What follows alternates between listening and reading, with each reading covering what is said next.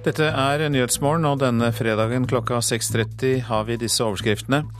Den viktigste flyplassen på Krimhalvøya i Ukraina ble okkupert av væpnede menn i natt. USA oppfordrer Russland til å respektere Ukrainas suverenitet og unngå provokasjoner.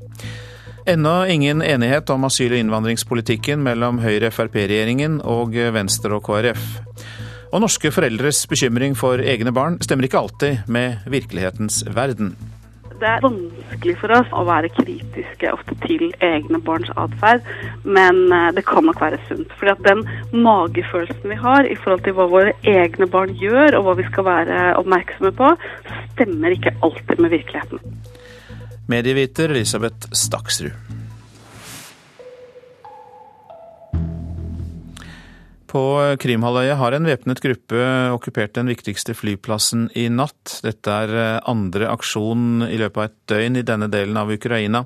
Guri Nordstrøm hun er i Kiev og sier dette om de som har okkupert flyplassen på Krim.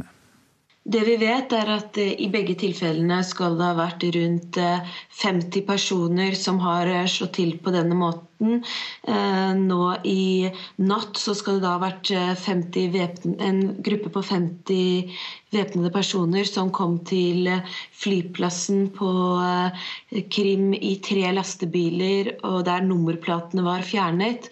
De har også uniformer uten spesielle kjennetegn. Men i går så var det en slik gruppe som tok seg inn i offentlige bygninger og heiste det russiske flagget. Om dette er den samme gruppen som også har operert på flyplassen nå i natt, det vet vi ikke. Det er jo mange etniske russere på Krim, men hva syns de etniske ukrainerne om det som skjer på Krim?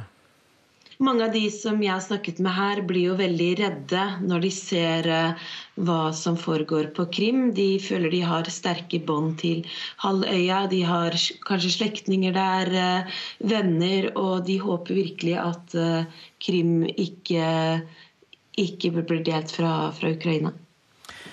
Nå bestemte jo det lokale parlamentet på Krimhalvøya i går at de ønsker en folkeavstemning om Krim skal løsrives fra Ukraina. Eh, hvordan vurderer du sannsynligheten for at det kan skje? Det er vanskelig å si per nå. Det som gjør Krim spesielt, er jo at dette er den eneste delen av eh, Ukraina der etniske russere er i flertall. Og veldig mange av de er jo veldig misfornøyde med det som har skjedd eh, her i Kiev, nemlig at eh, det har kommet en ny midlertidig regjering som de føler ikke representerer dem. Og de ønsker også å opprettholde sterke bånd til Russland. Men samtidig på Krim så er det også en gruppe som heter tatarer, krimtatarer. Og de ønsker seg nok eh, ikke noe annet enn å bli i at deres halvøy skal bli i Ukraina. Den nye regjeringen i landet har jo ikke fungert lenge, et eh, døgns tid. Hva syns befolkningen i Ukraina om den, så langt du har registrert? Her har det vært en rekke demonstrasjoner mot dem eh, det siste døgnet. Ikke bare i de østlige delene av landet, som føler at de ikke, eh, representer ikke representeres av denne regjeringen, men også her i Kiev. Og det er interessant fordi at et av eh, denne nye regjeringens største mål var jo å å få med seg de demonstrantene som har stått på Maidan.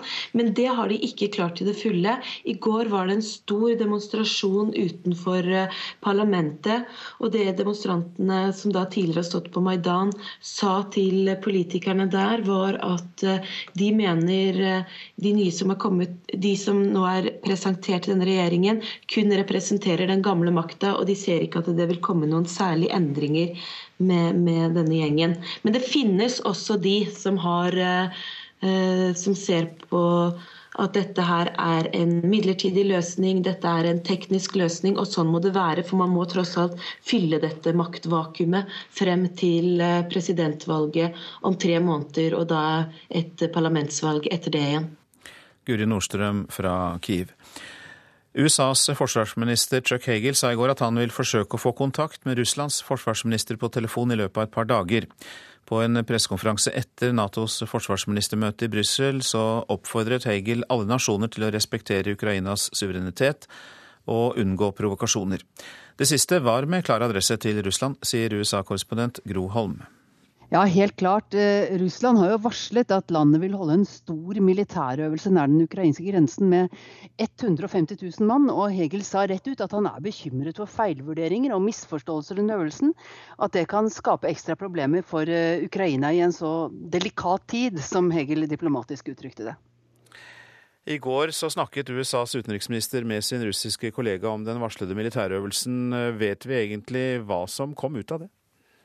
Ja, Ifølge USAs utenriksminister John Kerry så forsikret hans russiske kollega Sergej Lavrov om at Russland vil respektere Ukrainas grenser. Han sa også at militærøvelsen var planlagt i lang tid og ikke hadde noe med situasjonen i Ukraina å gjøre. Det høres jo litt underlig ut, akkurat det, for Russland pleier å varsle Nato om slike øvelser, og denne gangen kom varselet veldig seint. Ellers så har russerne opplyst at det vil delta 90 fly, 120 helikoptre og 880 stridsvogner. Men det kanskje viktigste er at også 80 skip vil delta. Og det er jo da interessant hvor mange av de kommer til å operere i Svartehavet like opp til Krimhalvøya og Sør-Ukraina. Hvor eh, sannsynlig er det at Nato svarer på dette på noen måte? Ja, Natos militære øverstkommanderende i Europa, Philip Breedlow, han sa i går at de ikke har foretatt noe flytting av materiell eller lagt noen planer for hvordan den vil reagere dersom russiske styrker da skulle foreta seg noe på Krimhalvøya, utover det de har anledning til ifølge en avtale som eksisterer mellom Russland og Ukraina. Eh, Russland leier jo et, et havneområde unnskyld, på Krim fra Ukraina for sin del av Svartehavsflåten. Men altså, USA har et marinefartøy liggende i Svartehavet nå, som har ligget der siden OL. Jeg tror ikke de kommer til å gå inn militært på Krim, selv om Russland skulle foreta seg noe. Det vil virkelig være å kaste bensin på bålet. Så har vi jo det personlige forholdet også mellom eh, USAs og Russlands utenriksministre. De kjenner hverandre godt, faktisk, bl.a. fra samarbeidet rundt eh, Syria. Hvor viktig vurderer du det? Jeg tror det er veldig viktig, for jeg tror eh, de vil aldri lyve for hverandre i en slik situasjon.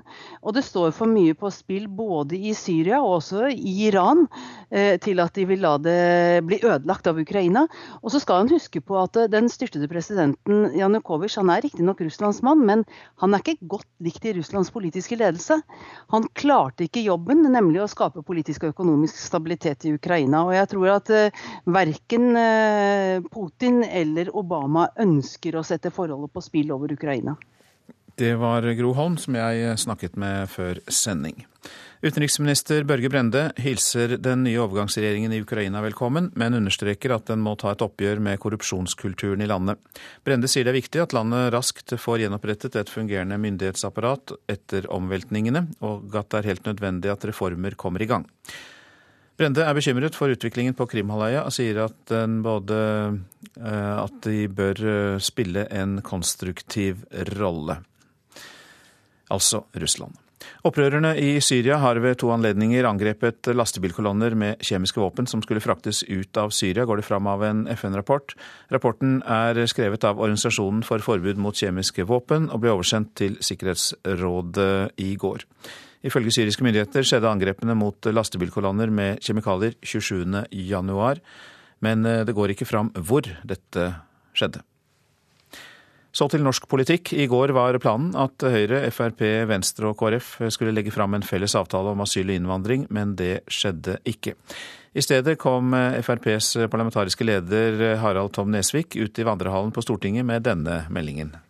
Nei, I kveld eh, blir det ikke noe avklaring fordi at eh, samtalene fortsetter på feltet eh, med tanke på å komme til en enighet. Så Det betyr at det har ikke kommet til en enighet nå? Nei, vi er ikke ferdige med selve saken. Så de samtalene de fortsetter. Planen var at de fire partiene skulle komme ut i vandrehallen, smile til kamera og overbevise journalistene om at alle hadde vunnet sine seire. Men det som skjedde, var det her. Møtet som skulle endt med signering av en felles asyl- og innvandringsavtale, starta aldri. De fire partiene satt på hver sine kontorer og diskuterte. I går sa nestleder i Frp Per Sandberg til Aftenposten at regjeringa må stå fritt i innvandringsspørsmål som ikke omfattes av avtalen som inngås med Venstre og KrF. Det kan være denne holdninga fra Frp, og ikke bare innholdet i avtalen, som gjør at signeringa nå trekker ut. Etter de fire partiene sine gruppemøter på Stortinget onsdag ga flere uttrykk for at avtalen var så godt som ferdig. Så beskjeden om at forhandlingene nå er utsatt på ubestemt tid, kom overraskende. Reportere her Eva Marie Bulai og eh, Ingunn Solheim. Høyre, Frp, Venstre og KrF eh, er imidlertid blitt enige om at de skal la en uavhengig ekspertgruppe vurdere konsekvensen av å trekke oljefondets investeringer ut av olje, kull og gass. Partiene har forhandlet fram avtalen de siste dagene. Dermed blir det ikke noe av flertallet for forslaget fra Arbeiderpartiet om en rask utredning med sikte på å trekke oljefondet ut av eh, kullselskaper. Så til det avisene har på forsidene. Samarbeidet over 15 år og mottok store summer. Det er påstander fra den narkotikasiktede mannen fra Bærum den siktede, om den siktede politimannen. Det er uhyrlige påstander, sier politimannens advokat. Hvem snakker sant, spør Dagbladet. Den siktede politimannen fra Oslo eller forretningsmannen fra Bærum, som er siktet for innførsel av store mengder hasj. Morna Jensen er oppslaget i Dagens Næringsliv. Fremskrittspartiets oppslutning er i siste måling fra avisa på 12,8% Siden august 2008 har eh, nesten to av tre velgere sagt farvel til partiet. Motstanderne av at eh, Ola Borten Moe skal fortsette som nestleder i Senterpartiet, samles nå om eh, Anne Beate Tvinnereim, skriver Nasjonen. Tvinnereim er tidligere statssekretær i Kommunaldepartementet, og får ifølge avisa støtte fra fylkeslag i Oslo-området og på Vestlandet. Krever skattefritak for OL, skriver Klassekampen. Den olympiske komité tar for gitt at Norge gir omfattende skattefritak og endrer lovene dersom OL kommer til Oslo i 2022. Blir ikke trodd på trosskifte, skriver Vårt Land om konvertitter fra Afghanistan. Norske kirkeledere sier til avisa at vanlige troende i Norge ikke ville bestått den trostesten som konvertittene må gjennom for å bli trodd. Derfor viker ikke lærerne en millimeter, skriver Adresseavisen om striden med kommunenes organisasjon KS under årets lønnsoppgjør. Rektor må få større mulighet til å bruke lærerressursene på best mulig måte, sier regiondirektør Gunnar Bendiksen i KS. Dette vil føre til dårligere undervisning, sier Lærerforbundets leder Lisbeth Strikkert. Jeg har skuffet alle som har trodd på meg, det sier den narkotikasiktede høyrepolitikeren Erik Skutle til Bergens Tidende i dag. Den 24 år gamle stortingsrepresentanten har erkjent og har røkt hasj. Høyrepolitikeren ble avslørt av SMS-meldinger, skriver Bergensavisen. Der gikk det fram at Erik Skutle deltok på et nachspiel der det ble brukt cannabis.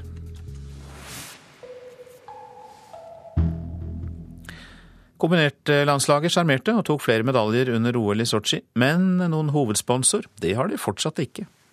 Det blir norsk! Det blir norsk! Ja! Han klarte det! Men etter OL er det den samme gamle leksa for kombinertgutta. Verken Håvard Klemetsen eller de andre på laget har en hovedsponsor. Ser du noe i panna på meg. Nei, Nei jeg, jeg, selvfølgelig det er ikke min jobb. og eh, Jeg regner med jeg hadde hatt en annen lue på meg hvis det hadde vært på plass. og eh, det er vel fortsatt eh, en jobb som må gjøres, men vi har iallfall bedre kort på hånda nå og viser at vi har noe i toppen å gjøre. og Forhåpentligvis får vi mer dekning i media også i framtida. Jeg håper i hvert fall at en del andre, en del folk i Norge fikk, eh, fikk øya opp for oss som utøvere og som eh, personer. Og ja, jeg tror, jeg tror vi gjorde et ganske ålreit inntrykk. Det sier Mikko Kokslien. Jørgen Gråbakk ble en av OLs store overraskelser. Ja, vi har levert, uh, levert resultater. Det er det som, det er det som teller når det, når det kommer til, til, økonomi til syvende og sist. Så ja, jeg vil bare si at jeg, jeg håper at det løser seg, og det, det bruker stort sett å gjøre. Optimismen holder seg, selv om sponsoren på lua fortsatt ikke er på plass. Ja, du ser jo noe i panna på meg. Nei. Reporter er Patrick Steen Rollins. Klokka passerte nettopp 6.44. Dette er Nyhetsmorgen, og dette er eh, hovedsaker. Den viktigste flyplassen på Krimhalvøya i Ukraina ble okkupert av væpnede menn i natt, men flyplassen skal være åpen for trafikk. Ennå ingen enighet om asyl- og innvandringspolitikken mellom Høyre-Frp-regjeringen og Venstre og KrF. Og vi skal høre at tidenes mildeste februar skaper trøbbel for Birkebeinerrennet.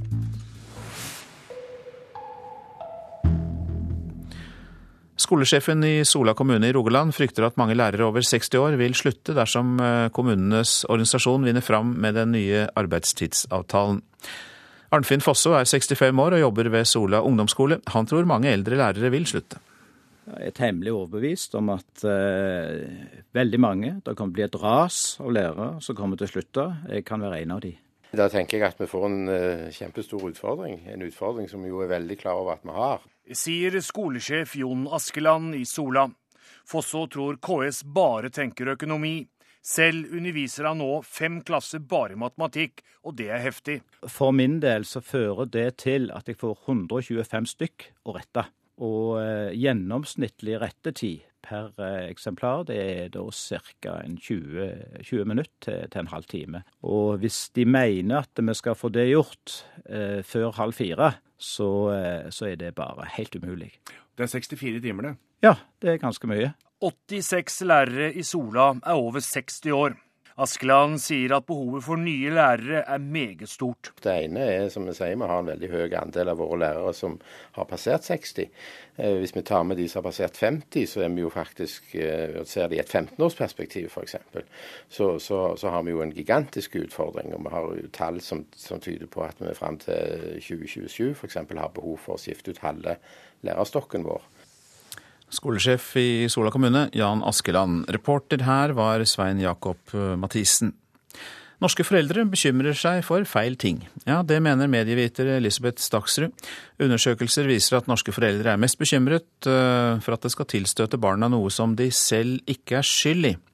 Men Staksrud sier at det er stor risiko for at barna selv har skyld i det, dersom det virkelig skjer noe bekymringsfullt føler at vi kjenner våre egne barn, eh, og at det er vanskelig å se for seg ofte at de gjør eh, eller har en atferd som vi finner som, som uakseptabel eller skadelig.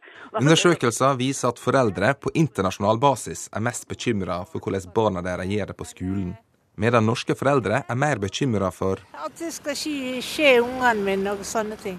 Medieviter Elisabeth Staksrud har skrevet en bok om digital mobbing, og hun mener at det er andre ting som er mer verdt å bekymre seg for. Eh, hvis vi ser på vil vi kanskje si at man burde vært litt mer bekymret for at barnet ditt gjør stygge ting mot andre, eller oppfører seg dårlig mot andre, eh, og ikke bare det at eh, barnet ditt selv skal bli mobbet eller blitt utsatt for noe. For det er jo ikke mange som tror at barna deres skal finne på noe gale. Jeg håper at det kommer utenfra hvis det skulle skje noe. da. Tror du det er det som er mest sannsynlig? Ja. Andreas Flem er far til 13-åringen Eskil Flem. Eskil har et litt annet syn på denne saka enn faren. Jeg tror det er mest noe jeg finner på sjøl, tror jeg, da. Og Eskil er nok mer i tråd med Staksrud sine funn. Vi er, vi er bekymret for barna våre som noen, som noen slemme skal gjøre noe med. Men vi ser ikke barna våre som, som aktive akkurat på den delen. Hun mener det er bra å bekymre seg for de rette tingene. Bekymringsnivå det sier også noe om eh, hvor vi er oppmerksomme, og hvor vi er interessert i å gå inn og hjelpe. Eller... Det sier òg noe om hva en ikke bekymrer seg for. De situasjonene som kan være risikable, eller som kan, kan eh, skape, gi skade hos barnet, hvor barnet har en aktiv rolle selv, f.eks. at de drikker for mye, eller at de stjeler i butikken og får trøbbel med politiet, eller at de eh, har sex, det er norske foreldre ikke spesielt bekymret for. Pappa Andreas syns det er vanskelig å være objektiv når det er snakk om hans egen sønn. Du tror kanskje det beste om sine egne, da, vet du, så det er vel kanskje det som er problemet. da. Men, eh... Og her er han nok mer på linje med Staksrud sine funn, og hun forteller at det stopper ikke der. Når noe først skjer, og vi som foreldre blir gjort oppmerksom på at nå har ditt barn f.eks. lagt ut stygge meldinger på internett, eller, eller vært slem med noen på en annen måte, så er det mange som vil forsøke å trivialisere det. Eh, si at ja ja, men det var jo ikke mobbing, eller ja, men de mente det jo ikke, og det var jo ikke en så stor sak. Hvis det er egne barn. Hva tenker du om det? Det, det er vanskelig for oss å være kritiske ofte til egne barns atferd, men eh, det kan nok være sunt. Fordi at den magefølelsen vi har i forhold til hva våre egne barn gjør, og hva vi skal være oppmerksomme på, stemmer ikke alltid med virkeligheten. Samtidig understreker hun at det ikke er verdt å bekymre seg for mye, noe pappa Andreas er enig i.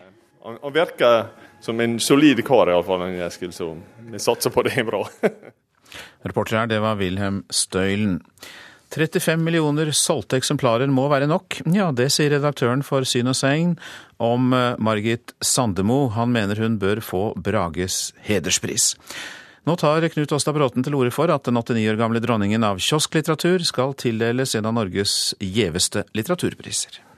Man skal huske på at veldig mange av de som har lest de bøkene, har kanskje ikke interessert seg egentlig for litteratur, men veldig mange har fått øynene opp for litteratur ved å lese Margit Sandmo, og har begynt å interessere seg for annen type litteratur.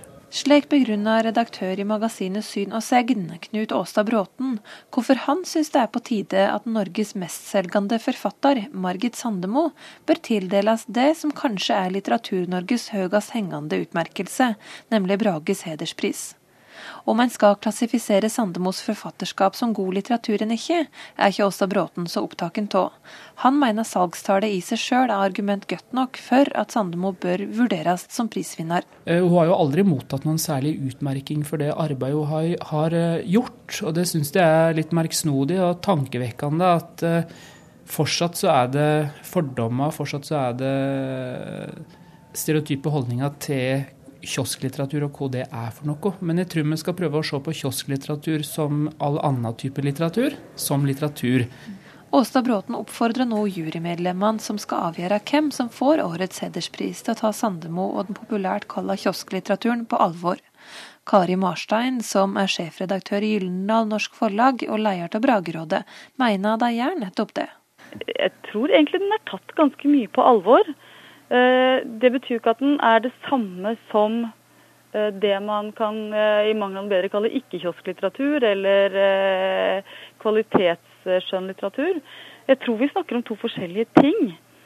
Og at man ønsker forskjellige ting med, med skrivingen sin. Man ønsker å nå forskjellige typer lesere, tror jeg. Et av kriteriene for å få hedersprisen er at en som forfatter har økt utbredelsen av og forståelsen for litteratur.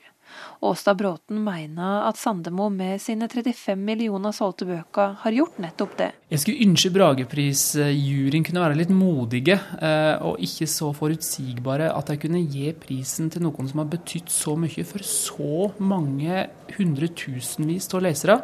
Det hadde gitt eh, stor anseelse til Brageprisjuryen, men det hadde også vært en fjør i hatten for kiosklitteraturen i Norge. Ja, hvem ønsker ikke å være modig og uforutsigbar? Uh, og Samtidig så må man jo også være forsvarlig. Man kan jo ikke velge en, eh, en mottaker av Brages hederspris bare fordi man skal være uortodoks. Reporter her, det var Sigrid Håvik Berge. Krigens håpløshet er tema for Karolinerspelet i Tydal i Sør-Trøndelag. 100 aktører deltar og gjenskaper Tydal nyttårsaften 1719, da 5000 utmattede invasjonssoldater kom til bygda. Olof, det er ingen krig lenger! Kongen er død, og vi skal hjem nå! 3000 svenske soldater fryser i hjel i Tydalsfjellene i 1719, på vei hjem etter et mislykka hærtog mot Trondheim. Det handler jo om en, en virkelig redusert, elendig hær som er nødt til å ta det siste skrittet inn i døden, på en måte i, i ishelvetet oppe i fjellene. Sier general Armfelt sjøl, spilt av Per Frisch. Vi er et forsøk på å la sivilbefolkningen få komme mer til uttrykk. da. Og eh, de er jo i en håpløs situasjon. Også alle er jo i en mildt sagt håpløs situasjon. Og det er det som er vi prøver å arbeide med her, som et, eh, et relieff til det som skjer dessverre andre steder i verden. Altså, du kan se hvordan skal de komme seg vekk herifra. Ikke det at vi har snakka så mye om Homs og Syria. Men hvordan skal du komme deg ut av Homs? Det går jo ikke an. Altså, De sitter i ei knipetang her. Sier instruktør Arnulf Haga. En fiende, et hat. Det er alt som behøves for å vinne et krig. Og nå Nå har ikke vi noen av delene. Hva skal jeg gjøre, Hinman? Du skal sette din lit til Gud. Gud, Gud, Gud! Det her, her syns jeg er veldig artig å være med på. Første året jeg har vært med oppe i Tjøren og spilt uh, Karolinerspillet. Og uh, lite snø, men uh, artig å være med. Fryse litt og krangle litt. Det er en dyster historie? Ja, det er en dyster historie. Det er jo Hvis du begynner å tenke på at det faktisk har skjedd, og at det lå soldater på soldater på soldater oppe i fela her, så er det ganske hulig å tenke på. Det sa Jørgen Nytre, som altså deltar i Karoliner Spel i Tydal, og saken var laget av Lars Erik Skjærseth. Tidenes mildeste februar skaper trøbbel for Birkebeinerrennet. Om to uker skal tusenvis av skiløpere legge vei på det tradisjonsrike rennet, men varmerekord i Hedmark har satt sine spor på startstedet Rena. Og mildværet fortsetter i hvert fall hele neste uke. Har du noen smørningstips, da? Ja, her oppe blir det vel vadere, men uh... Rennleder Sølvi Amundsen Aas har heldigvis gummistøvler på seg. Det ser hvitt og fint ut på Tingstadjordet ved Rena, men tidenes mildeste februar har satt sine spor også her på startstedet for Birkebeinerrennet. Se, under her er det bløtt. Her er det vann. Hun skal ikke mange centimeterne ned i snøen før hølet fylles opp av isvann og sørpe. Om to uker skal 16 000 skiløpere legge i vei fra dette jordet. Det er jo nok snø og fine forhold egentlig, men det her er det laveste punktet i startfeltet. Og da siger det ned, så ligger vann under snøen og isen. Så vi må drenere vekk det, den vanndammen som er under her, grøfte ut til bekken. Så vi får dette til å renne ned, så blir det bra. Slik har innlandsvinteren vært. På fjellet finner folk nesten ikke hyttene sine igjen pga. all snøen. I lavlandet er det bart eller sørpe. Ja, aldri har det vært varmere enn i år. Det var varmt i desember, i januar og nå i februar. Værstasjonen på Kise på Hedmarken melder om plussgrader i gjennomsnitt for måneden. Nesten én varmegrad har det vært her i snitt. Det er ni grader varmere enn normalt. Ni. Vinteren har vært mild og god på den måten. Sier Bjørn Romsås, som har ansvaret for å holde E6 over Dovre åpen. Og Det fører til stengte veier fort på Dovrefjell, da, for det er jo det er jo vind og nedbør som gjør at det blir dårlig sikt og slik, som fører til at vi eh, må stenge. Det er aldri, aldri så mye snø at det er noe problem slik sett. Ikke siden 70-tallet har veien over Dovrefjell vært stengt så mye som nå. I snitt så stenger vi oss eh, Dovrefjellen fire ganger i året. Eh, denne vinteren her, fra i fjor høst til nå, så er vi over det dobbelte. Det er godt med snø i Birkebeinertraseen. Det kan bli overvann på myrene ned mot Lillehammer, og mildværet ikke gir seg den siste uka før start heller. Men starten på Rena blir ikke flytta, til tross for plaskeføre i dag. Nei, vi har driver og vurderer det nå. Vi kikka i går og vi fant ut at starten klarer vi å kjøre her som normalt. Og reporter her, det var Per Magnussen. Og hvis vi kaster et blikk på værvarselet, så ser det ut til at det er mest plussgrader fortsatt vi kan by på der. Vi begynner med værvarselet østafjells eh, først. Regn i Agder og spredte byger i grensestrøkene. Seinere regn eller sludd i hele området. Det blir snø i høyereliggende og i nordlige strøk østafjells, og så blir det lokal tåke. Vestlandet. Tidlig på dagen sørlig stiv kuling på kysten fra Karmøy til Stad. Oppholdsvær nord for Stad. Ellers regn og yr. Snø i høyereliggende strøk. Fra i ettermiddag lettere vær i ytre strøk sør for Bergen. Så går vi til eh, Nordland, og, eh, og vi inkluderer også Trøndelag her. Oppe i liten kuling i Namdalen og på Helgeland. Spredte byger i Lofoten og Vesterålen i morgentimene. Ellers lettskyet oppholdsvær. Troms i kveld eh, østlig liten kuling på kysten i nord, litt sludd i nord, ellers stort sett opphold i Troms. Så går vi til Finnmark. Der blir det sørvestlig liten kuling utsatte steder i ytre strøk. I ettermiddag dreiende nordøstlig.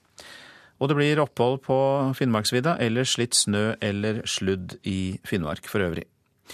Nordensjøland på Spitsbergen, stort sett pent vær, kort og godt. Og så går vi til temperaturene, og disse ble da målt klokka fire i natt.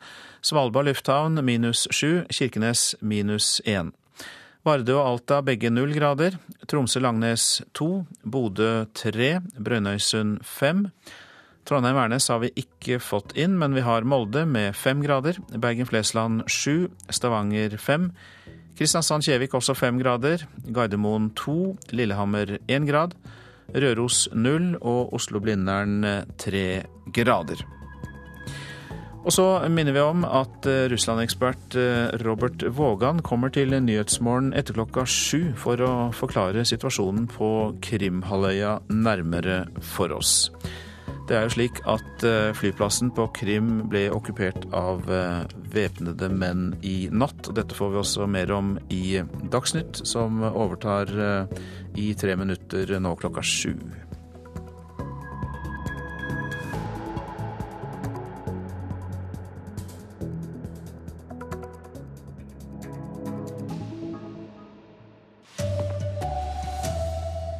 Flere væpna aksjoner på Krimhalvøya det siste døgnet utfordrer den nye ukrainske regjeringa. Og den sikta politimannen skal ha brukt politiets datasystem for å advare smuglere, ifølge advokat. Her er NRK Dagsnytt klokka sju. På Krimhalvøya har ei væpna gruppe okkupert den viktigste flyplassen i natt. Dette er den andre prorussiske aksjonen i denne delen av Ukraina i løpet av ett døgn. Guri Nordstrøm rapporterer fra den ukrainske hovedstaden Kiev. Det vi vet er at eh, I begge tilfellene skal det ha vært rundt 50 eh, personer som har eh, slått til på denne måten. Nå i natt så skal det da ha vært 50 en gruppe på 50 væpnede personer som kom til flyplassen på Krim i tre lastebiler, og der nummerplatene var fjernet. De har også uniformer uten spesielle kjennetegn. Men i går så var det en slik gruppe som tok seg inn i offentlige bygninger og heiste det russiske flagget. Om dette er den samme gruppen som også har operert på flyplassen nå i natt, det vet vi ikke.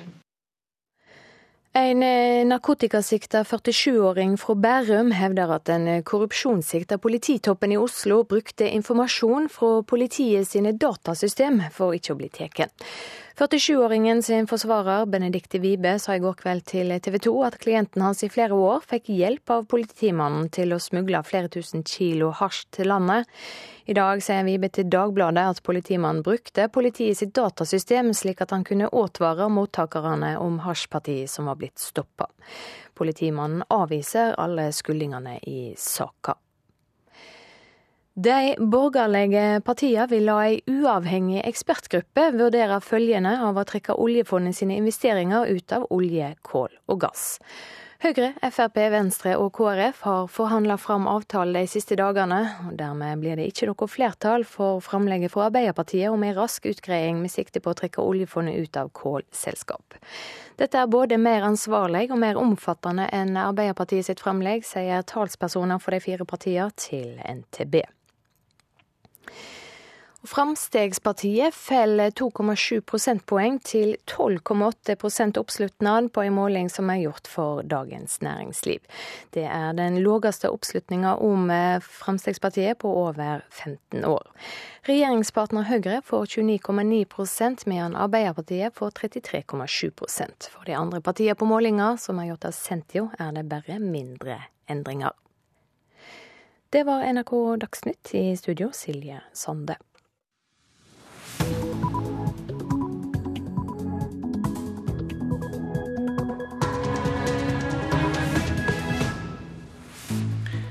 Nyhetsmorgen fortsetter med disse sakene. Vi får eh, mer om Krimhalvøya i eh, Ukraina i eh, denne sendingen. Ennå ingen enighet om asyl- og innvandringspolitikken mellom Høyre-Frp-regjeringen og Venstre og KrF. En sentral skikkelse i islamistmiljøet i Norge skal være viktig for å motivere andre for å reise til Syria. Førsterett til de beste hotellene og privatsjåfører, det er noen av kravene fra IOC-lederne under et eventuelt OL i Oslo.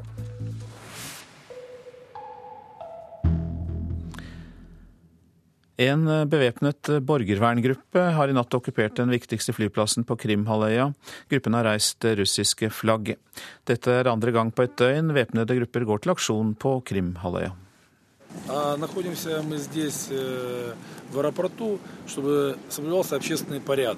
Vi er her for å sørge for at radikale elementer fra Kiev eller andre steder ikke kommer hit til Krim, sier mannen som leder det han kaller folkemilitsen på Krimhalvøya.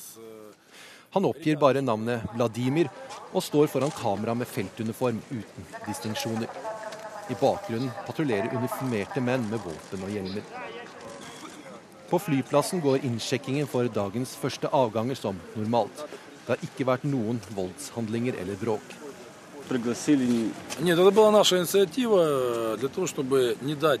Jeg er veldig bekymret, sier en passasjer. Men hva kan jeg gjøre? Familien min bor her på Krim. Jeg velger å tro at alt vil gå bra. En annen passasjer sier han ikke er bekymret. Han synes det er bra, det som skjer. Dersom fascistene fra Kiev kommer hit, så er det flott at soldatene står her, sier han. I går kveld vedtok parlamentet på Krimhalvøya at det skal holdes folkeavstemning 25. mai om Krim skal løsrive seg fra Ukraina. Flertallet av befolkningen er etniske russere. Det var eh, Halvard Sandberg som eh, orienterte. Robert Vågan, god morgen til deg. Takk. Du er førsteamanuensis ved Høgskolen i Oslo og Akershus, og eh, vi har kalt på deg for å få en nærmere vurdering av det som eh, skjer på Krim. Eh, hvor alvorlig vurderer du det du hørte i dette innslaget her, f.eks.? Det er ikke tvil om at det er en alvorlig situasjon på, på Krim nå. Eh, I tillegg til okkupasjonen av sentrale mm, regjeringsbygninger osv. Og, og, og dette vedtaket om folkeavstemning 25. mai, så starter jo Russland eh, i dag en fire dagers stor militærøvelse som omfatter både flystyrker og, og flåtestyrker i Svartehavet. Så ingen tvil om at det er en spent og alvorlig situasjon. Hvorfor eh, er det viktig for Russland å markere seg slik, bl.a. med en eh, militærøvelse? Vi må huske på at uh, Ukraina hadde en felles militærøvelse med Nato i 2006. Uh, de nye myndighetene i Kiev er også pro EU og vender på mange måter Russland uh, ryggen. Og det er klart dette er et slag i ansiktet for Putin, eh, som har store ambisjoner med denne eurasiatiske unionen, hvor jo Ukraina fikk observatørstatus i 2013. Så det er en, eh, en tautrekking mellom øst og vest her om eh, Ukraina og Krims fremtid. Hvordan vurderer du risikoen for at Russland kan gjøre mer enn bare å drive militærøvelser, nemlig å gripe til militær makt, bl.a. for å ha kontroll over Krim? Jeg tror nok det vil være eh, absolutt siste utvei. Det er, er, mer sannsynlig nå at man forsøker seg med en kombinasjon av, av sabelrasling, som jeg har kalt det i andre sammenhenger, altså militærøvelse, pluss eh, at man nå oppmuntrer til en folkeavstemning 25. mai. Eh, nå er jo 60% av befolkningen på Krim russere.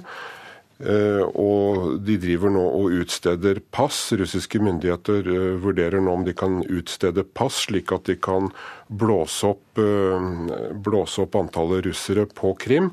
For å kanskje da få en, en veldig solid avgjørelse i retning løsrivelse. Vi har sett dette med å utstede statsborgerskap i konfliktområder. Det gjorde russerne i Abkhazia, og det gjorde de i Nord-Osetia under krigen med Georgia i 2008.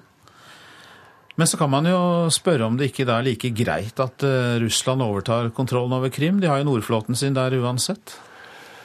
Ja, det er eh, mange, mange, i Russland nå. Jeg har sittet og lest russiske aviser i dag, og, og det er mange nå som uh, sier at Khrusjtsjov, som ga bort Krim til, til, Ukraina i 1954, de mistenkeliggjør nå han og sier at han, han var jo ukrainer.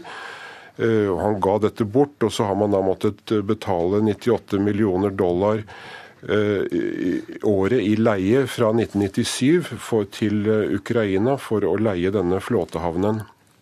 Og det er mange nå som peker på at Krim geografisk, historisk osv. naturlig er en del av Russland. Hva tror du kan være en sannsynlig løsning hvis man da skal unngå eh, militær konfrontasjon? For eh, jeg vil vel tro at Krim uansett vil måtte stå i en mellomposisjon og få en annen rolle eller status enn resten av Ukraina?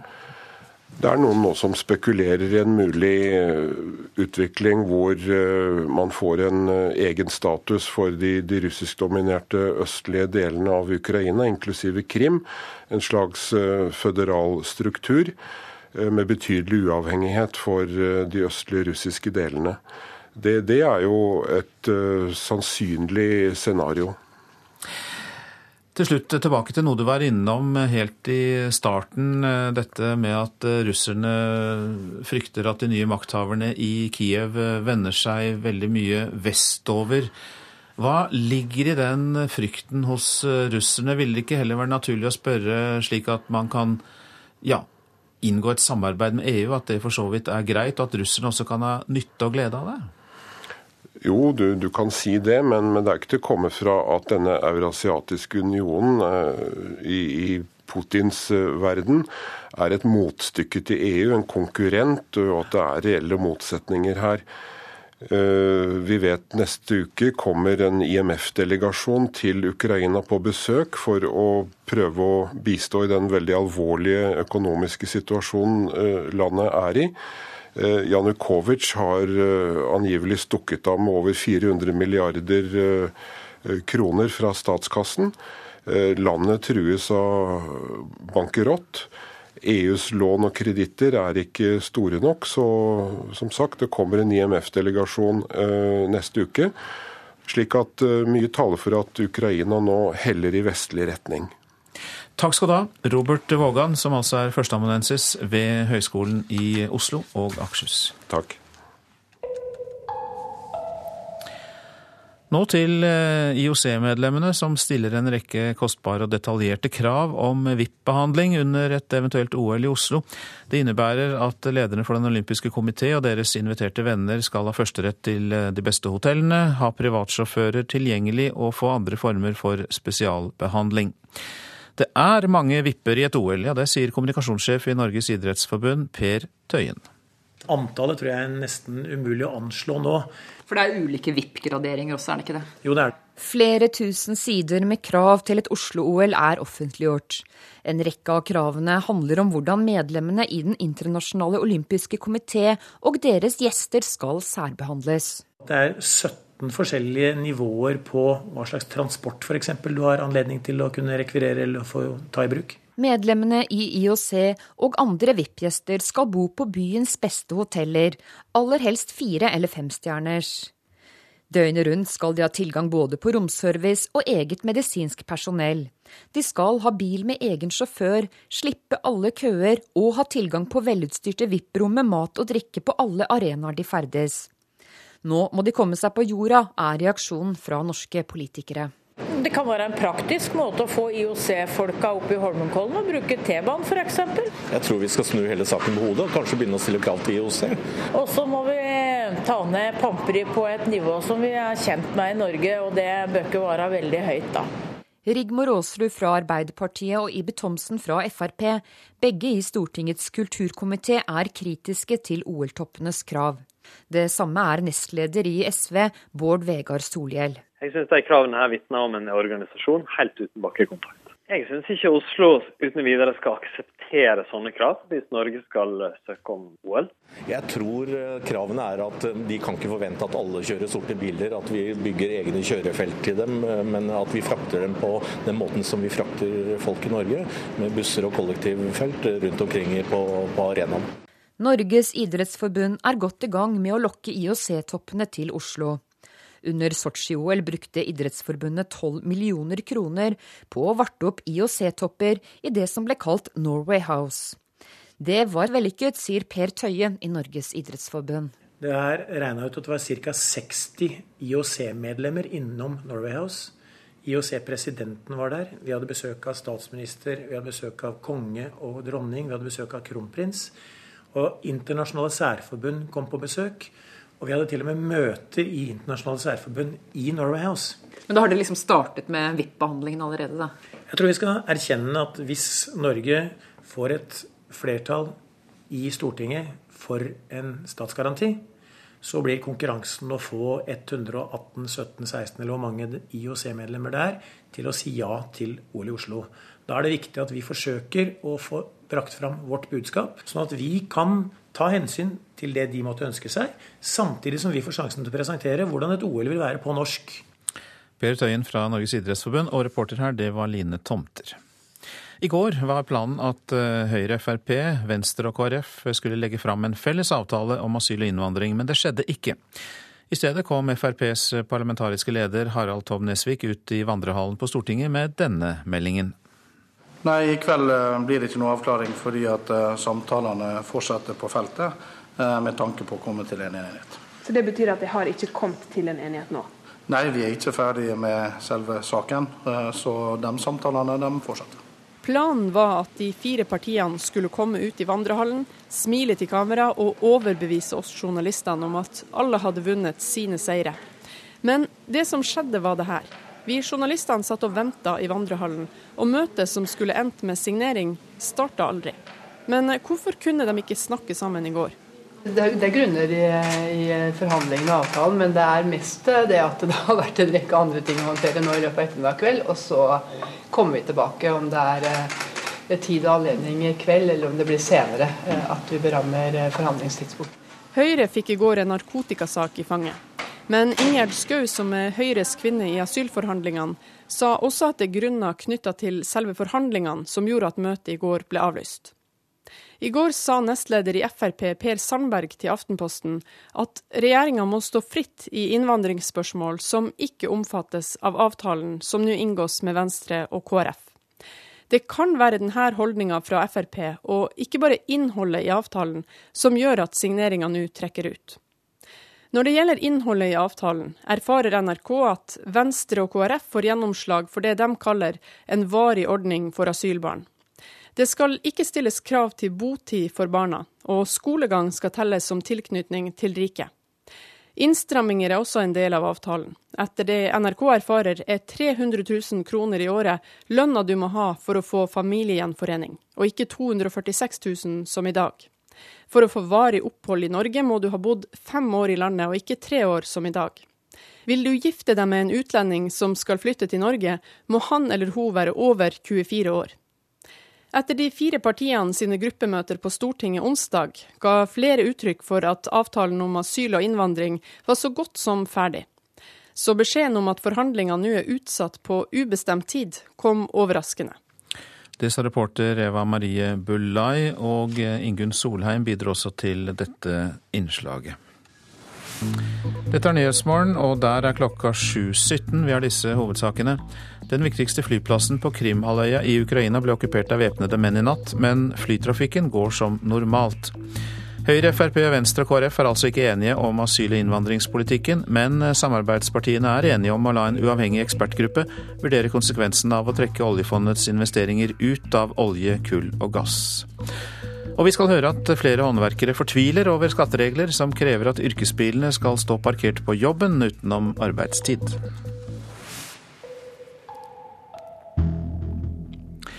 Først om en sentral skikkelse i islamistmiljøet i Norge som skal ha vært viktig for å motivere andre til å reise til Syria. Politiets sikkerhetstjeneste PST bekrefter at det er et problem at islamister bl.a. fra Østfold reiser til det krigsherjede landet. Og denne mannen som oppfordrer dem til å reise, han eh, har selv holdt seg hjemme.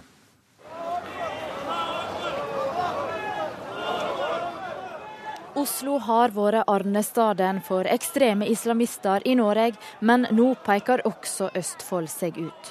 Minst ti personer skal ha reist derfra til Syria, noen av dem har også kommet tilbake. En sentral skikkelse i islamistmiljøet i Oslo, som har vært aktiv i gruppa Profetens Umma, skal være en viktig inspirator for enkelte personer i Østfold. Han skal ha oppfordra folk til å reise til Syria, etter det NRK får opplyst fra personer personer med kunnskap om ekstremister. Etter det NRK kjenner til, har mannen aldri sjøl vært i Syria. Øyvind Nilsen er leder for PST i Østfold. Han sier at det er kontakt mellom personer fra Oslo og Østfold. Vi ser at eh, påvirkning eh, fra eh, Oslo skjer mot Østfold også. Og det er en kort avstand mot Østfold og inn til Oslo. Mm, hvordan er den kontakten? Nei, Det ønsker jeg ikke å kommentere ytterligere. Politimeisteren i Østfold, Beate Gangås, vil ikke gå inn på om spesielle lederskikkelser peker seg ut. Her er det veldig viktig at vi ikke tenker bare politidistrikt, men her må vi tenke hele eh, nasjonen og på tvers av politidistrikter. Og se på hvordan eh, folk både eh, fascineres og rekrutteres av spesielle miljøer. Mange i miljøet har mye kontakt via sosiale medier. Mye av informasjonen går jo på internett. Og det er klart at da blir eh, geografi eh, egentlig ganske ubetydelig. Politimeisteren sier at det er vanskelig å få oversikt. Jeg er eh, bekymra for at vi har en økt aktivitet, og at vi får en økt radikalisering. At vi får ungdommer som utsetter seg selv eller andre for fare. Hvor vanskelig er det her å få grep om for dere? Nei, Det er komplisert. Så vi må bruke alle midler. Vi må bruke både åpne og skjulte metoder. Vi må eh, bruke alle kanaler, og ikke minst bruke alle samarbeidsaktører. Denne reportasjen var laget av Eirin Årdal og Kristine Svendsen. Så noen ord om det avisene har på forsidene. Samarbeidet over 15 år og mottok store summer. Det er påstander fra den narkotikasiktede mannen fra Bærum om den siktede politimannen. Det er uhyrlige påstander, sier politimannens advokat. Hvem snakker sant, spør Dagbladet. Den eh, siktede politimannen fra Oslo eller forretningsmannen fra Bærum som er siktet for innførsel av store mengder hasj. Morna Jensen er oppslaget i Dagens Næringsliv. Fremskrittspartiets oppslutning er i siste måling for avisa på 12,8% Siden august 2008 har nesten to av tre velgere sagt farvel til partiet. Motstanderne av at Ola Borten Moe skal fortsette som nestleder i Senterpartiet, samles nå om Anne Beate Tvinnereim, skriver Nasjonen. Tvinnereim er tidligere statssekretær i Kommunaldepartementet, og får ifølge avisa støtte fra fylkeslag i Oslo-området og på Vestlandet krever skattefritak for OL, skriver Klassekampen. Den olympiske komité tar for gitt at Norge gir omfattende skattefritak og endrer lovene dersom OL kommer til Oslo i 2022.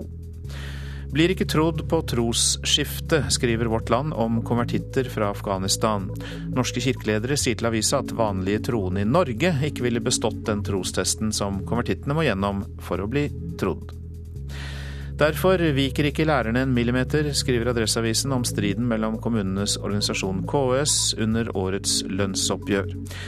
Rektor må få større mulighet til å bruke lærerressursene på best mulig måte, sier regiondirektør Gunnar Bendiksen i KS til avisa. Nei, dette vil føre til dårligere undervisning, det sier Lærerforbundets leder Lisbeth Strikkert. Jeg har skuffet alle som har trodd på meg, det sier den narkotikasiktede høyrepolitikeren Erik Skutle til Bergens Tidende. Den 24 år gamle stortingsrepresentanten har erkjent å ha røkt hasj. Høyrepolitikeren ble avslørt av SMS-meldinger, det skriver Bergensavisen. Det gikk det fram av disse meldingene at Skutle deltok på et nachspiel der det ble brukt cannabis.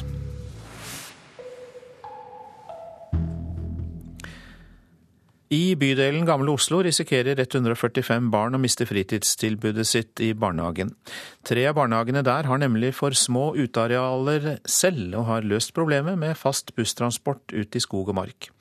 Nå foreslår bydelsdirektøren å kutte busstilbudet, som heter Full rulle. Ungene i Lakkegården barnehage er igjen klare for busstur. Fire dager i veka, året rundt, blir de henta av full rullebussen for å reise fra asfalt og trafikk til skog og mark. Bussjåfør Gustavo sitter som vanlig bak rattet. Er vi klare? Har alle? Det er tre barnehager og 145 barn som bruker bussen fast. Det gjør de ikke bare for hyggen sin del, men fordi barnehagene har mindre uteområder enn lova krever. Lakkegården har uteareal til 45 unger, men er 69. Det forteller Kristin Førde, som har hatt to barn i barnehagen. Så det var jo ikke godkjent da barnehagen ble oppretta. Så de fikk lov å drive på disposisjon, og da var bussen en løsning for å kunne ha såpass mange barn på en såpass lite tilfredsstillende uteplass. 1,2 millioner kroner i året koster det for bydel Gamle Oslo å drive busstilbudet. Men med krav om å kutte i budsjett strekker ikke økonomien til, og dermed har bydelsdirektøren foreslått å kutte det. Alternativet blir da å kjøre kollektivt og bruke nærområdet til tur. Da lurer jeg på om bydelsdirektøren har vært og rusla mye rundt i, nærmiljøet i dette nabolaget her, og, og han virkelig syns at dette er egna, eh, tumleplass for barnehagebarn. For i den nærmeste parken er det kjøp, salg og samlingssted for rusmisbrukere. I tillegg ligger barnehagen mellom to svært trafikkerte veier. Førde mener at kuttforslaget innebærer et svik mot politiske lovnader om å løfte Tøyen og Indre Aust i Oslo. Det sies at vi skal ha en variert befolkning i denne bydelen, men hvis tilbudet til barnehagebarna blir for dårlig, da flytter de som har noe valg ut herfra. Så det fins grenser for hva man finner seg i på vegne av barna sine. Der er folk eh, nokså kompromissløse, faktisk. Har du hørt historien om de tre små fisk som endte sin dager i Stemninga er på topp når bussen nærmer seg dagens turmål, Rustadsaga.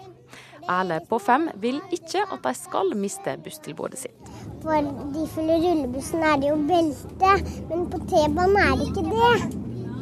Det er ganske mange grunner for at jeg liker fulle rullebussen. 13.3 skal bydelsutvalget avgjøre saka. Ifølge bydelsdirektør Lasse Østmark er alternativet å totalt fjerne nesten 150 barnehageplasser. Ene alternativet er å redusere antall barnehageplasser med 145, slik at vi da eh, ikke trenger å ha dette friluftstilbudet. Det andre er å løse behovet for friluftstilbud uten en, eh, en buss som eh, bydelen da disponerer. Og det er riktig, vi har gjort en risikovurdering og, og, mener jo at det er forsvarlig, men har pekt på at det selvfølgelig er utfordrende. Så er de framme, biungene. Det er bare ei knapp mil fra Grønland, men i stedet for en liten lekeplass med gummidekke, er de omringa av grantre, knauser og rikelig med tumleplass. Alle mine duer, kongen! Og det var Ingvild Tanstad som var med barnehagebarna på tur. Flere håndverkere fortviler over skatteregler som krever at yrkesbilene skal stå parkert på jobben utenom arbeidstid. Bilene er som regel fylt med kostbart verktøy, og håndverkerne frykter innbrudd. Rørlegger Egil André Hoel i Arendal parkerte to arbeidsbiler utenfor kontoret mandag, og da de ansatte kom på jobb dagen etter, var begge bilene ribbet for alt verktøy. Så var da begge bilene knust stort sett alt av vinduer og brekt opp bakdør og tømt fullstendig. Eh, samt en tilhenger som var stjålet. Noe som er fryktelig irriterende men det var veldig mye å gjøre eh, og kunder venter. Men eh, nei, det er trist.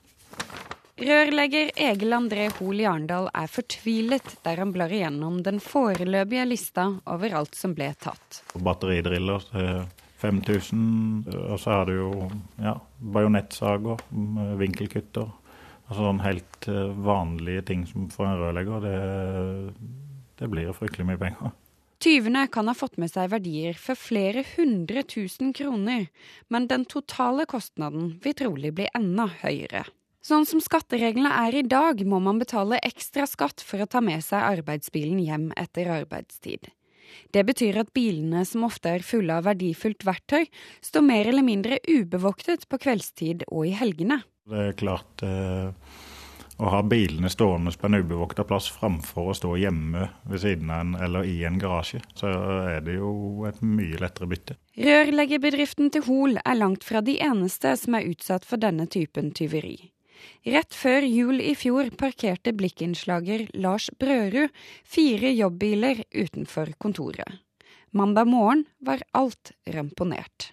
Da er det knust vindu på samtlige fire biler, både bak i varerom og noen foran. Og henta ut verktøy for ja, 100 150 000 i hvert fall, tenker jeg. Som da bare forsvinner sånn i løpet av kort tid. Så det er regelverket som har gjort det sånn, og det er veldig kjedelig både for, si, arbeidstakere og oss og arbeidsgivere. Skatteetaten avviser å skulle endre regelverket, og i mange tilfeller er det heller ikke snakk om de store skattekravene, ifølge avdelingsdirektør i Skatt sør, Lars Solnørdal. Reise mellom hjem og arbeidssted, utgifter til det, det anser man i skatterettens forstand som å være en utgift til en privat reise. Derfor blir det skatt på arbeidsgivers bil når man bruker den til den private reisen. Egil André Hoel har anmeldt forholdet til politiet, og jobber nå med å skaffe seg en oversikt over alt som er stjålet og ødelagt. For et lite firma med seks ansatte har tyveriet fått store konsekvenser. Det går mye tid vekk eh, som vi kunne ha produsert ute på arbeidsplassen, istedenfor at vi må sitte med papirarbeid og og sånne ting. Og så er det jo tapt arbeidsfortjeneste igjen. sånn at vi, vi, står nå uten to arbeidsbiler og, og masse verktøy. Så nei, det er kjempetrist. Reporter her, det var Benedikte Goa Ludvigsen. Du lytter til Nyhetsmorgen. I reportasjen etter Dagsnytt kan du høre mer om fotball-VM i Brasil til sommeren. I Politisk kvarter er temaene striden om OL i Oslo og asylavtalen mellom regjeringen og sentrumspartiene, som ennå ikke er på plass. Prosent for Nyhetsmorgen i dag, det er Kari Bekken Larsen. Her i studio, Øystein Heggen.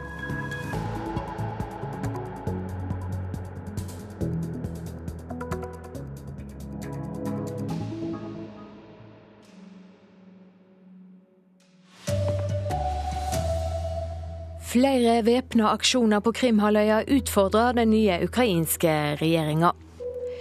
Den sikta politimannen skal ha brukt politiets datasystem for å advare smuglere, ifølge advokat. Og en sentral mann i det norske islamistmiljøet agiterer for å få norske ungdommer til å dra til Syria. God morgen, her er NRK Dagsnytt klokka 7.30. Ei væpna gruppe har i natt okkupert den viktigste flyplassen på Krimhalvøya. Gruppa heiste det russiske flagget etter at de tok seg inn i bygningene. Dette er andre gang på ett døgn at væpna menn går til aksjon i denne delen av Ukraina. Vi er her for å sørge for at radikale elementer fra Kiev eller andre steder ikke kommer hit til Krim, sier mannen som leder det han kaller folkemilitsen på Krimhalvøya. Han oppgir bare navnet Vladimir, og står foran kamera med feltuniform uten distinksjoner.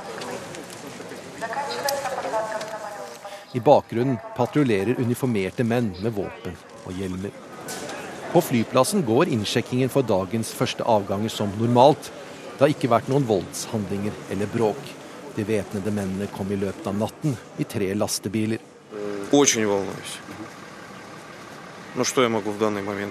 Jeg er veldig bekymret, sier en passasjer. Men hva kan jeg gjøre? Familien min bor her på Krim. Jeg velger å tro at alt vil gå bra. En annen passasjer sier han ikke er bekymret. Han synes det er bra, det som skjer.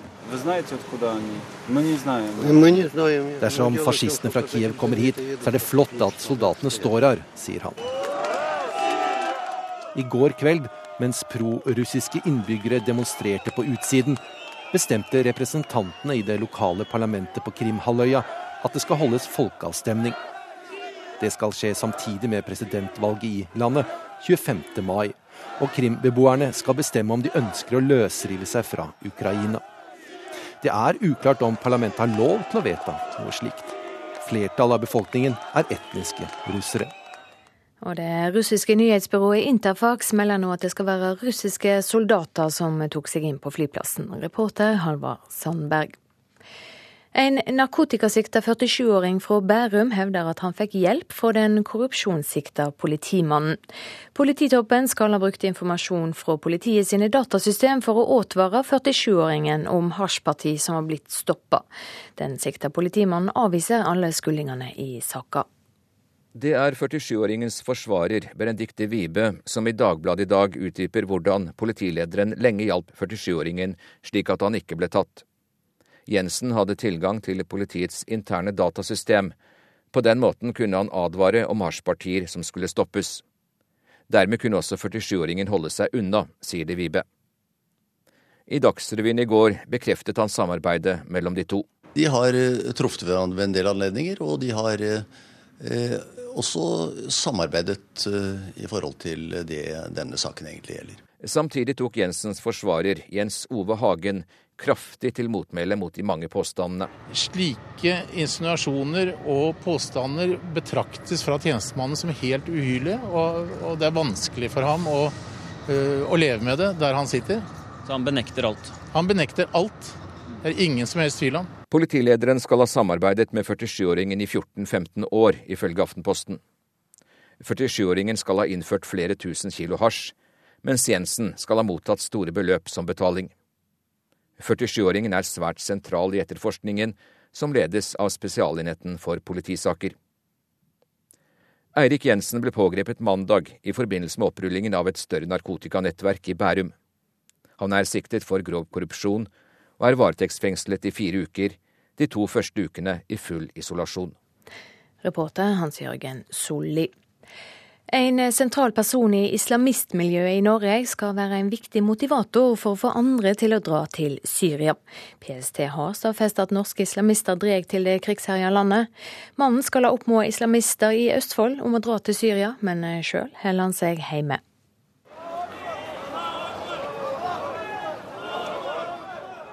Oslo har vært arnestaden for ekstreme islamister i Norge, men nå peker også Østfold seg ut. Minst ti personer skal ha reist derfra til Syria, noen av dem har også kommet tilbake.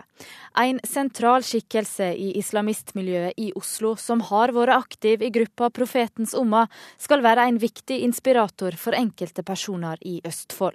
Han skal ha oppfordra folk til å reise til Syria, etter det NRK får opplyst fra personer personer med kunnskap om ekstremister. Etter det NRK kjenner til, har mannen aldri sjøl vært i Syria. Øyvind Nilsen er leder for PST i Østfold. Han sier at det er kontakt mellom personer fra Oslo og Østfold. Vi ser at eh, påvirkning eh, fra eh, Oslo skjer mot Østfold også. Og det er en kort avstand mot Østfold og inn til Oslo. Mm, hvordan er den kontakten? Nei, Det ønsker jeg ikke å kommentere ytterligere. Politimeisteren i Østfold, Beate Gangås, vil ikke gå inn på om spesielle lederskikkelser peker seg ut. Her er det veldig viktig at vi ikke tenker bare politidistrikt, men her må vi tenke hele eh, nasjonen og på tvers av politidistrikter. Og se på hvordan eh, folk både eh, fascineres og, og rekrutteres av spesielle miljøer. Reportere Eirin Årdal og Kristine Svendsen. Medlemmene av Den internasjonale olympiske komiteen stiller ei rekke kostbare og detaljerte krav om VIP-handsaming under et OL i Oslo. IOC-toppene og gjestene deres skal ha førsterett på de beste hotellene, ha privatsjåfører og spesialhandsaming under hele arrangementet. Og det blir mange VIP-er i et OL, det sier Per Tøyen i Norges idrettsforbund. Antallet tror jeg er nesten umulig å anslå nå. For det er ulike VIP-graderinger også, er det ikke det? Jo, det er det. Flere tusen sider med krav til et Oslo-OL er offentliggjort. En rekke av kravene handler om hvordan medlemmene i Den internasjonale olympiske komité og deres gjester skal særbehandles. Det er 17 forskjellige nivåer på hva slags transport f.eks. du har anledning til å kunne rekvirere eller få ta i bruk. Medlemmene i IOC og andre VIP-gjester skal bo på byens beste hoteller, aller helst fire- eller femstjerners. Døgnet rundt skal de ha tilgang både på romservice og eget medisinsk personell. De skal ha bil med egen sjåfør, slippe alle køer og ha tilgang på velutstyrte VIP-rom med mat og drikke på alle arenaer de ferdes. Nå må de komme seg på jorda, er reaksjonen fra norske politikere. Det kan være en praktisk måte å få IOC-folka opp i Holmenkollen og bruke T-banen f.eks. Jeg tror vi skal snu hele saken på hodet og kanskje begynne å stille krav til IOC. Og så må vi ta ned pamperi på et nivå som vi er kjent med i Norge, og det bør ikke være veldig høyt, da. Rigmor Aasrud fra Arbeiderpartiet og Ibe Thomsen fra Frp, begge i Stortingets kulturkomité, er kritiske til OL-toppenes krav. Det samme er nestleder i SV, Bård Vegar Solhjell. Jeg syns de kravene her vitner om en organisasjon helt uten bakkekontakt. Reporter Line Tomter.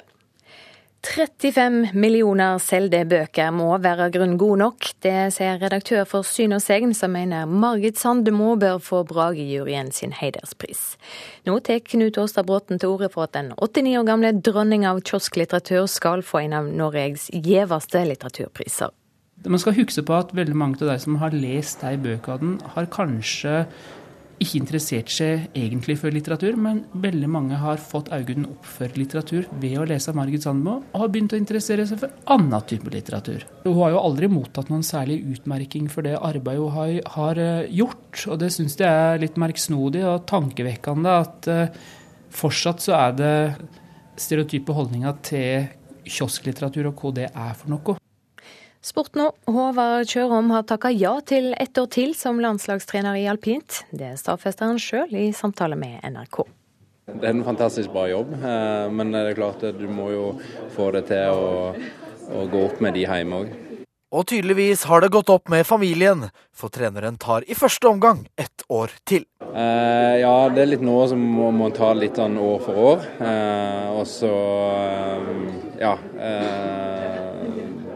Eh, ja, det var det en ble enig med Skiforbundet om, så det tror jeg passer begge, begge parter. Selv om det ikke skrives kontrakt for en ny OL-periode på fire år, men snarere ett år om gangen, så betyr det ikke nødvendigvis at det er slutt etter ett år heller for Kjørom. Nei, eh, men det er klart eh, da, da, begynner det, da, begynner det, nok å, å nærme seg. Eh, men uh, ja, vi har, har, egentlig ikke snakka så mye om det. Ja. Håvard Kjørom til reporter Patrick Steen Rolands. Ansvarlig for eh, Dagsnytt denne morgenen, Sven Gullvåg. Teknisk ansvarlig Lars Tronsmoen. Her i studio, Silje Sande.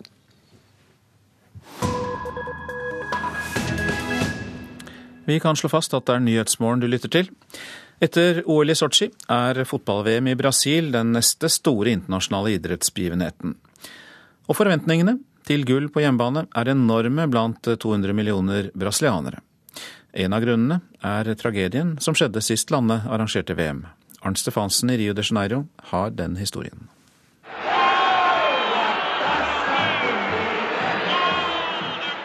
Maracana stadion her i Rio den 16. juli 1950. Nærmere 200 000 mennesker har pakket seg sammen på tribunene for å se VM-finalen mellom Brasil og Uruguay. Blant tilskuerne på Maracana denne dagen er den 20 år gamle Wilson Gomez Carneiro, i dag en 84 år gammel beboer i bydelen Copacabana. Havia uma euforia e eles, eles achavam que det var en eufori der alle tok det for gitt at Brasil ville vinne. Og stemningen på Maracana var ubeskrivelig. Da det brasilianske laget fikk det første målet, trodde jeg tribunene skulle ramle sammen, sier han. Men så snudde kampen, og Uruguay utlignet. Og elleve minutter før slutt skjer det utrolige. Uruguays raske spiss Alcides Gija dribler seg gjennom Brasil-forsvaret og skyter hardt fra spissvinkel like nede ved stolpen. Mål for Uruguay! Gija, sier kommentatoren nesten vantro. Dermed ender kampen 2-1 for Uruguay, og en dødens stillhet senker seg over Rio de Janeiros kjempestadion. Bare tre mennesker har brakt Maracana til taushet, sa målskåreren Gija i et intervju mange år senere. Det er Frank Sinatra, pave Johannes Paul 2. og jeg. Muita gente chorando, muita gente se. Folk rundt meg gråt og omfavnet hverandre etter kampen, sier Wilson Gomez Carneiro. Mange ble sittende på tribunen lenge etter at kampen var slutt. Det var en type reaksjon man ser hos mennesker som har fått en fryktelig nyhet. De blir sjokkskadet og apatisk. Det var en stemning jeg aldri glemmer, sier 84-åringen. Men apatien gikk snart over i en nærmest sykelig nasjonal selvransakelse og en stygg jakt på syndebukker. Brasils fargede keeper Moazir Barbosa, som slapp inn det skjebnesvangre målet, ble utsatt for en grotesk personforfølgelse og levde resten av sitt liv som en utstøtt mann. Ingenting kan forandre det som skjedde, sier han i et intervju. Denne dagen brennmerket meg for resten av livet, og jeg vil alltid huske den eldre kvinnen som mange år senere pekte rasende på meg i en butikk og sa, så alle kunne høre det, der er mannen som fikk hele Brasil til å gråte. Mange har påpekt den unike muligheten Brasil hadde i 1950. Vi hadde lagt et diktatur bak oss, og vi var et fremtidens land som skulle ta skrittet inn i den moderne verden. I stedet fremsto vi som et folk av tapere, skrev en kjent forfatter. Andre tok enda hardere i. Dette er den største tragedie i vår moderne historie. Jeg vil kalle det Brasils Hiroshima, skrev en av dem. Dette er hovedsaken i Nyhetsmorgen. Flere væpnede aksjoner på Krimhalvøya det siste døgnet utfordrer den nye ukrainske regjeringen. I natt ble flyplassen på Krim okkupert av en gruppe som heiste det russiske flagget på bygningen. Den siktede politimannen skal ha brukt politiets datasystem til å advare smuglere, ifølge advokaten til en narkotikasiktet 47-åring. Påstandene er uhyrlige, sier politimannens advokat. En sentral mann i det norske islamistmiljøet agiterer for å få norske ungdommer til å dra til Syria. Dette er altså Nyhetsmorgen, og neste post på programmet her er Politisk kvarter.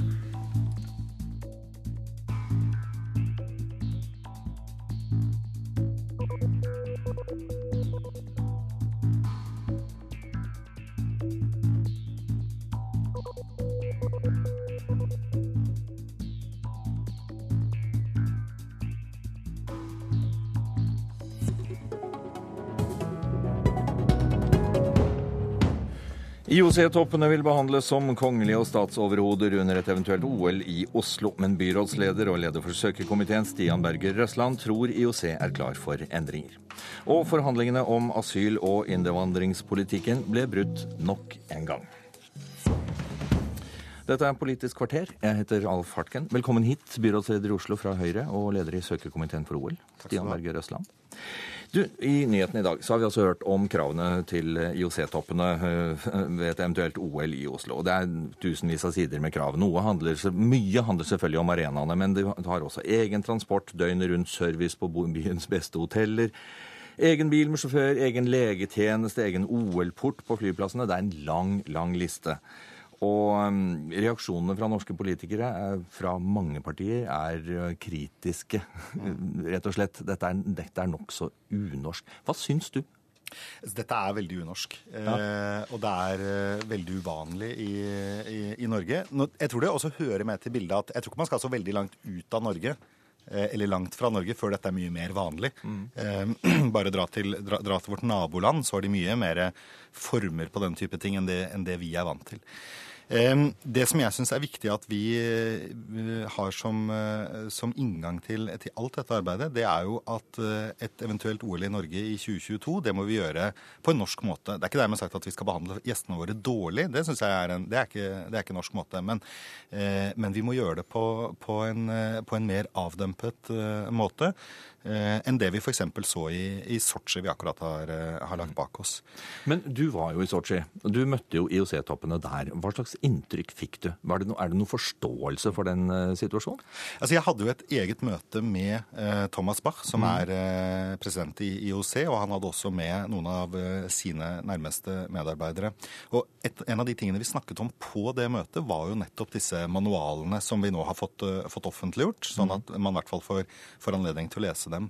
Og Det som, eh, som, Bach og folkene hans var veldig tydelige på, det var at eh, det var viktig at vi nå når vi jobbet med søknaden fremover, og jobber med de eh, søknadene vi skal sende inn, at ikke vi bare, som de sa, gjør det som står i manualen, men at vi tenker gjennom er dette noe vi ønsker å gjøre, ønsker vi å gjøre det på en annen måte, og at vi så diskuterer eh, med dem. Jeg syns det var et, var et veldig, eh, veldig, godt, men også egentlig litt overraskende signal. For jeg, jeg trodde som jeg tror mange nordmenn, ikke at de var eh, såpass eh, åpne for, for endringer. Men, men, jo, men tror du på dem? Du ja, tror jeg... at de er det? Altså, noen vil eh, kanskje eh, si at du er litt naiv hvis du tror på dette her, fordi IOC er jo ansvarlig for den veien OL har tatt. Ja, og og jeg tror nok det er delte meninger om, om dette blant uh, IOC-medlemmene også. Men jeg tror hvis man, eh, hvis man, ser på de som sitter i ledelsen av, av, IOC, så tror jeg de, som de fleste andre, ser at Eh, de sliter med et omdømmeproblem. Eh, de arrangerer noe som er fantastisk positivt. Et verdensomspennende idrettsarrangement hvor eh, man møtes, hvor man har idrettssport og idrettsglede. Men likevel så er det altså slik at viktige vintersportsteder som St. Moritz Davos, som München, Eh, våre venner i, Sverige eh, takker nei. Og vi ser at eh, i Norge er det jo ikke akkurat en overveldende begeistring for ideen her heller. Og dette tror jeg mange av IOC-toppene ser. De ser at dette trenger en, en, annen kurs. Og på de møtene vi hadde, og som jeg hadde og da med, med Thomas Bach og, og, hans folk, så var det helt tydelig at de ønsker en endring. Og de ser at det er nødvendig. Hvorvidt de ønsker det eller ser det er nødvendig, det kan man sikkert diskutere. Men skal denne eh, ideen overleve, så er de nødt til å, å ta rev i seilene. Og det betyr at vi må her i Norge finne ut hva vi syns eh, passer. Men, men, betyr det at Oslo da som søkerby, Norge som søkernasjon, faktisk er i en slags forhandlingsposisjon her? Altså, kan vi stille motkrav på et vis?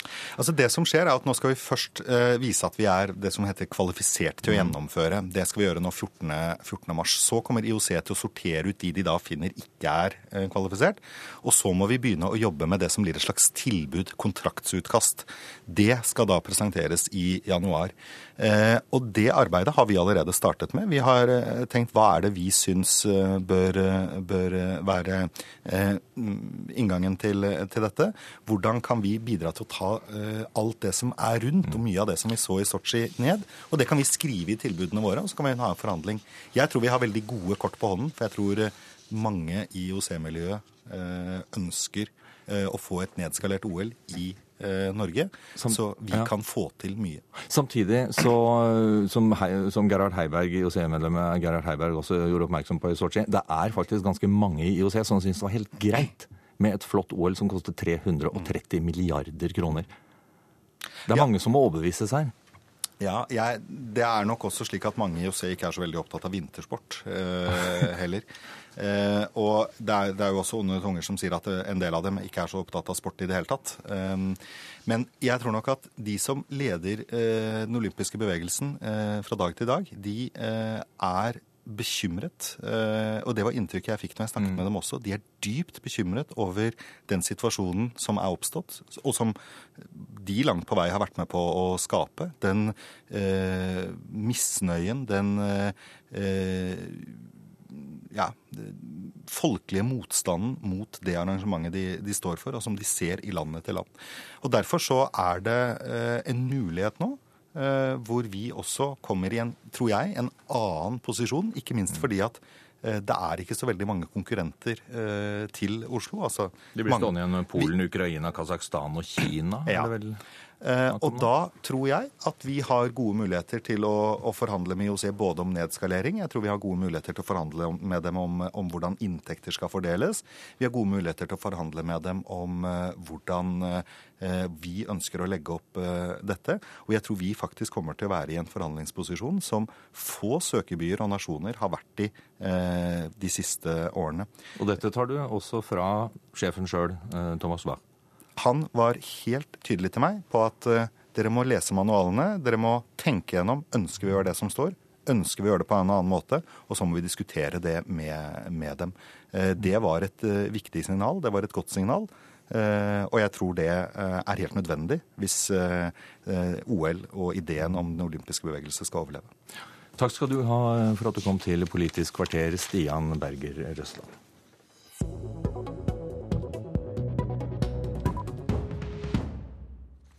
Inn i studio kommer NRKs kommentator Lars Nehru Sand og samfunnsredaktør i eh, Vårt Land, Berit Aalborg. Og vi skal snakke om forhandlingene mellom regjeringen og støttepartiene KrF og Venstre om asyl- og innvandringspolitikken, som eh, skulle vært ferdig før jul, eh, men har trukket ut. I går var det ventet, og det kom forlydender fra mange hold om at nå var de like ved en avtale og nærmet seg en enighet osv. Og, så og så skulle floken løses, og det ble ingenting. Hva skjedde, Lars Nehru Sand?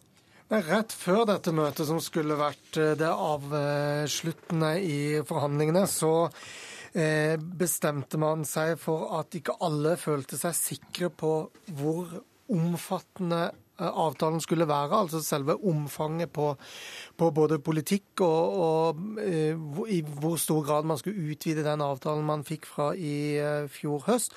Og ikke minst også hvordan man egentlig hadde tenkt konseptet rundt denne avtalen, hvor bindende og altomfattende den skulle være da man forhandlet i Nydalen, eller sonderte. Så da bestemte man seg for i stortingsgruppene etter hva jeg har forstått, at eh, dette må løftes opp til den gjengen som var i Nydalen, altså først og fremst partilederne. Og det var et kort møte med statsminister Erna Solberg i går kveld, og man løfta det opp for at de skulle klargjøre hva intensjonen med hvor omfattende avtaleverk man skulle ha eh, på asylfeltet. Mm. Men resultatet av det det ble jo at at de ikke gikk i noe møte og forhandlet videre. videre. Det, altså, er man kommet nærmere en avtale gjennom den prosessen der? Man forhandler fortsatt med sikte på å komme frem til en avtale. Mm. Men det jeg fikk eh, SMS-er om nå rett før vi gikk inn i studio, er at eh, man ikke har avtalt noen nye møter i dag. Og det virker fortsatt litt uklart om det er realistisk i det hele tatt å tro at dette løser seg før helgen, eller om man venter til neste uke. Berit Aalborg, du er altså samfunnsredaktør i Vårt Land. Hvis vi ser på støttepartiene her. Mm. Hvor, hva står på spill for dem? Hva, altså, hvordan ser de på dette her? Ja. Altså KrF og Venstre? For, for, å si det sånn, så er jo eh, både for Fremskrittspartiet, men også for støttepartiene, er dette et veldig politisk viktig område. Og det er jo flere viktige saker som står på, på spill. Jeg skal ikke gå inn i, i, alle detaljene, men det er klart det at her, eh, for, for, de to partiene så handler det om å få det man kan forsvare som en human asylpolitikk. Og Fremskrittspartiet har jo kjørt veldig hardt på, på asylpolitikken og, og, faller veldig på målingene nå. Så det er klart at dette her er en kjempetøff kamp. Men det er nok ganske stor irritasjon irritasjon internt i de to små partiene over det kjøret som, som Fremskrittspartiet har satt i gang. Og, og Rotevatn, eh, altså da, da, snakker jeg om både at Carl I. Hagen og, og Tybring-Gjedde og flere har vært ute og krevd at uh, Fremskrittspartiet skal holde en tøff linje. Mm. Og Rotevatn var ute og sa det at det er ikke altså, sikkert Sveinung Rotevatn, Sveinung Rotevatn i Venstre. Ja. Han var ute for, for, for, et par dager siden og sa det at det er ikke sikkert at de vil beholde støtten til, til, eh, til, regjeringen hvis man skal kjøre en så tøff linje. Og det samme tenkes nok en del i KrF. Sånn at denne irritasjonen er nok en stor slitasje på samarbeidet mellom disse fire partiene. Hvordan, eh, hva slags inntrykk har du av stemningen i forhandlingene? Forhandlingsdelegasjonen, eh, Lars? Den har lenge vært veldig god. Det har vært noen små eh, basketak nærmest underveis. Men i går så var stressnivået økt betydelig hos alle fire partiene. Og det var tydelig at det skjedde brått og uventet at man måtte løfte dette opp. Og, og at man føler at eh, det var vanskelig å enes da i stortingsgruppene om hvordan man skulle ta dette videre. Og det er klart at det blir opplevd som provoserende at Eh, deler av den diskusjonen er tatt ut i media, bl.a. Med, med Sandberg og Tybring-Gjedde, som har mm. gått langt i å, å karakterisere eh, politikkutviklingen til Venstre og KrF som et slalåmløp, hvor man ikke stoler på avtalen eller stoler på regjeringen. og da Eh, da blir det sett på som mer frustrerende enn denne prosessen har vært. Eh, møtet på mandag f.eks., som mange trodde skulle være det siste, eh, ble, eller rapporterer man om at stemningen var svært god og latteren satt løst. Sånn virka det ikke som det var i går. Mm -hmm. ja. Og så skal jeg bare si at Det er nok et større behov i de små partiene å få en helhetlig avtale som man har avtalt på forhånd og lang tid frem. Mens, mens Fremskrittspartiet og Høyre, og særlig Fremskrittspartiet, ønsker nok stor fleksibilitet, sånn at de kan gjøre ting underveis i årene årene som kommer. Eh, hva er det med asylretten som gjør at avtalens omfang blir, eh, blir stridstema her? Det er spesielt at det blir stridstema helt mot slutten av prosessen ja. også. Dette er 25 punkt fra Nydalen, som, eller denne avtalen som ble, ble klar i fjor. Eh, de 25 punktene skulle man operasjonalisere. Og så er det sånn at uh, asylretten så er jo uh, virkelig uttrykket at djevelen ligger i detaljene helt på sin plass. Fordi at lovene som vedtas i Stortinget har selvfølgelig stor verdi, men mye av den virkeligheten forvaltningen forholder seg til hver dag når enkeltsakene skal vurderes, det ligger i forskriftsform. Og forskriftene kan regjeringen endre selv. Det trenger man ikke gå til Stortinget med. Så Kristelig Folkeparti og Venstre vil, helt riktig som Aalborg sier, selvfølgelig være interessert i at man binder opp regjeringen til løfter om eh, nær sagt hver eneste forskriftsendring, sånn at stortingsflertallet kan ha kontroll på det. Mens Fremskrittspartiet vil selvfølgelig si at selv om regjeringen ikke har flertall i Stortinget, så har man, eh, sin, er man i sin fulle rett da, til å endre disse forskriftene og bør ha mulighet til det som regjering, og at det er noe av det Frp skal ha igjen for å gå inn i regjering, noe Venstre og KrF valgte å ikke gjøre. Så eh, det at man eh, har et visst spillerom utover de 25 punktene, det var stridens kjerne. og Det var da man måtte gå til, eh, til forhandlerne fra Nydalen igjen da, for å spørre om var intensjonen at denne avtalen skulle romme alt, eller var intensjonen at det også skulle være noen hull utenfor. Eh, og Det spørsmålet bør de da ha fått svar på i, i går eller eh, nå snart, for å kunne fortsette å sluttføre forhandlingene. Ja. Må de bli enige, Olborg? Er de nødt til det? Altså, jeg tror nok de kommer til å bli enige på et eller annet punkt, men spørsmålet er hvor mye støy det skaper og hvor mange kameler som må slukes. Men jeg har bare lyst til å tilføye, i tillegg til det Lars Nehru Sand sier, så er det noen punkter her som har vært veldig vanskelige. Og en av de punktene som har vært veldig vanskelig, særlig for KrF og Venstre, er dette med at man skal plukke ut, eh, plukke ut grupper i, blant kvoteflyktninger. Og det opplever de to, partiene, de to små partiene som veldig sånn sorteringssamfunn. Så der ligger det. Vi, vi rekker ikke resten av lista, for eh, tida går. Det var det vi rakk i dagens eh, Politisk kvarter. Eh, takk til Lars Nehru Sand og til Berit Aalborg.